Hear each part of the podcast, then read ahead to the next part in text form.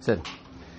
שלום וברכה ובוקר טוב, יש לנו שאלות. שואל אילן, שלום וברכה, הרב הסביר שאברהם תכנן לקבל מתנות ממצרים, שהם נושאים בתוכם את התרבות. אילו ערכים מתרבות מצרים מייצגים המתנות שקיבל צאן, עבדים, כסף, ומה אברהם עשה איתם? טוב, מה שאני לא יודע בדיוק להגיד על כל דבר באופן ספציפי מה הוא, מה הוא נשא בקרבו, אבל אנחנו יודעים שבתוך מצרים נמצאת העוצמה של החיים. הרי מצרים נקראת ערוות הארץ. ערווה זה המקום שממנו באים החיים כולם. חז"ל מוסרים לנו שבין המתנות שקיבל יעקב, אברהם הייתה גם הגר. אז ייתכן שיש פה גם כוונה של פרעה, כוונה הופכית למה שהוא ניסה לעשות עם שרה. אם אה, שרה לא תהיה אשתו, אז אברהם יהיה חתנו. אולי. כלומר, יכול להיות שהוא מתכנן את הדבר הזה, ואז הוא רואה באברהם בעל ברית שלו בארץ כנען, כפי שגם זה יעלה ממלחמת ארבעת המלכים. אה, שואל לי פוגל, על פי מה שלמדנו על הנאמר, אחותי את, קרא ברור ניצוצות במצרים, רוצה שאברהם לא הצליח להוציא את כל הגנוז בחוכמת מצרים. למה? למה אתה אומר שלא הוציא? הוציא באופן שורשי. מעשה אבות סימן לבנים, אז הוא הוציא את השורש של הדבר. יש מקבילות בין מעשה אברהם ושרה במצרים לבין מגילת אסתר. הבת דודה נשלחה אל המלך להציל את העם. מה זה אומר? זה בדיוק העניין, שהסיפור של מגילת אסתר זה המסירה של השכינה אל אומות העולם. בעוד שיציאת מצרים זה הוצאת השכינה מאומות העולם אל ישראל. עכשיו, מה שמעניין, הרי אברהם, אם אנחנו למדנו מקודם שהוא הניח את, אה, את, אה, אלה, את הנפש אשר עשו בחרן, הניח אותם בשכם, ואז הוא הבין שהקדוש ברוך הוא לא מעוניין בהם. השאלה, עכשיו הוא יוצא עוד פעם עם נפש ממצרים. ואז נשאלת השאלה, אולי מצרים זה, זה שונה, זה דבר שצריך בחינה. והתוצאה המיידית של הנפש שהוא הוציא ממצרים, זה המריבה שלו עם לוט, שהתחלנו לראות אותה בפעם שעברה, ואז נדון מה זה אומר. בפרק, מה? לא שהוא יצא ממצרים, כנראה שהוא התלהבה עם אברהם לכל אורך הדרך. כן, כן, ברור. אבל מה שקרה זה שאברהם ולוט מקבלים רכוש ממצרים, כלומר מצטרפים אליהם אנשים. וההצטרפות הזאת הופכת את שניהם לגדולים, לגדולים שלא יכולים לשבת יחדיו. זאת אומרת, יציאת מצרים מביאה בעקבותיה גם מחלוקות, בעקבות הרכוש. כן? השאלה היא, זאת התמודדות חדשה של אברהם, מה עושים במקרה כזה?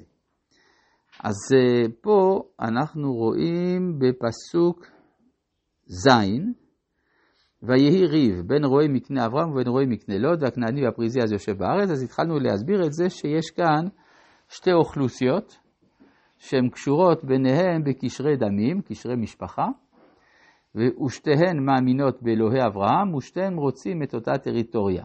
אז מה הפתרונות? יש שלוש פתרונות אפשריים, מלחמה, משפט או צדקה. על המלחמה אומר אברהם אל לוט, ויאמר אברהם אל לוט, אל נתי מריבה ביני וביניך ובין רועי ובין רועיך, כי אנשים אחים אנחנו. מה זאת אומרת? אם אנחנו אנשים אחים, מה שיקרה זה ייגמר ברצח. כי כששני אחים רבים, מה שאנחנו יודעים מן ההיסטוריה, שזה נגמר לא טוב, קין והבל. מה, למה זה נגמר לא טוב? בגלל שבין אחים יש תחרות על אותו גורל. ולכן האפשרות שתהיה מלחמה בין אחים יותר סבירה מאשר בין זרים, מבחינה מסוימת, כן? כי התורה אמרה למשל, ואהבת לרעך, רעך הקרוב. למה התורה לא ציוותה לאהוב את הרחוק? כן? זו טענה שקדומה נגד עם ישראל. אתם אוהבים את הקרובים, אתם לא אוהבים את הרחוקים. על זה היה אומר מניטו, ההפך. לאהוב את הקרוב זה מה שקשה, הרחוק זה בעיה. יש פה מישהו שלא אוהב את המיקרונזים? המיקרונזים אהובים מאוד, הם אפילו מצביעים בעדנו באו"ם כל הזדמנות. אבל עם השכן שלי יש לי בעיה, אבל זה אשמתו, כי רק בגללו אני לא יכול לאהוב את כל עם ישראל, כי הוא לא בסדר.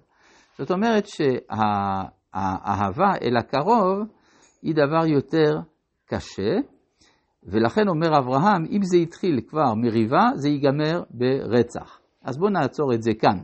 השאלה היא, מה עושים?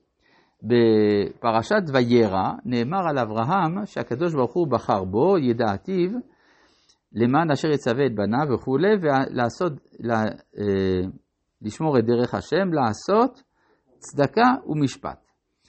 צדקה ומשפט הם ערכים כמעט בלתי ניתנים להשכנה ביחד. הצדקה היא ויתור, המשפט זה הפך הוויתור. המשפט זה עיקר הדין. אז אם ככה, מה עושים? צריך לעשות גם צדקה וגם משפט. והשאלה היא מה, מה עושים במקרה כזה. וגם דוד המלך הייתה לו משימה כזאת, ויהי דוד עושה צדקה ומשפט לכל עמו, והתלמוד מתלבט כיצד אפשר לעשות גם צדקה וגם משפט, ונותן שלוש אפשרויות, אבל בכל מקרה אה, יש פה דיאלקטיקה. עכשיו, השאלה היא, מי שיש לו נטייה טבעית אל הצדקה, אז האתגר שלו זה המשפט. מי שהנטייה שלו הטבעית היא המשפט, אז האתגר שלו זה הצדקה. השאלה היא, מהי הנטייה הטבעית של אברהם והאם הוא עמד באתגר.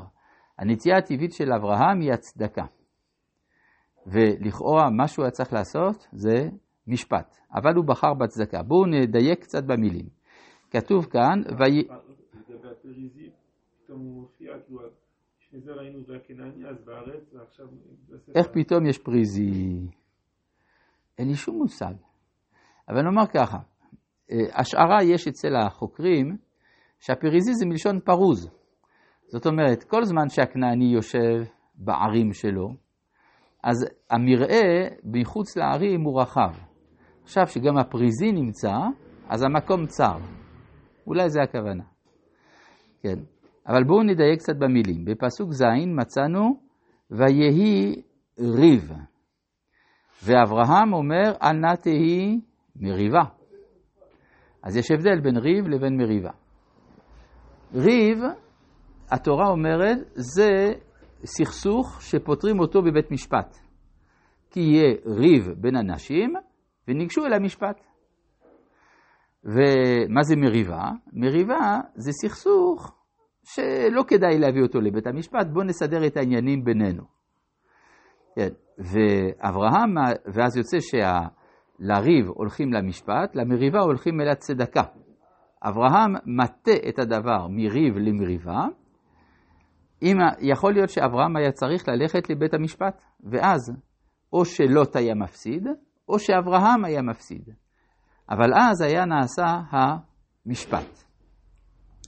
רש"י בפרשת כי תצא על הפסוק כי יהיה ריב בין אנשים, אומר סופם לגשת אל המשפט, הלמדת שאין שלום יוצא מתוך מריבה. ומה גרם לצדיק, מה גרם ללוט שפרש מן הצדיק, אלא מריבה. זאת אומרת שרש"י בעצם רומז לנו שריב זה בסדר, מריבה זה משהו אחר.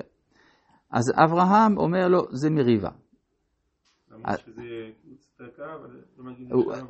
זהו, זה לא מספיק. כי אם זה ריב, אז צריך לעשות משפט.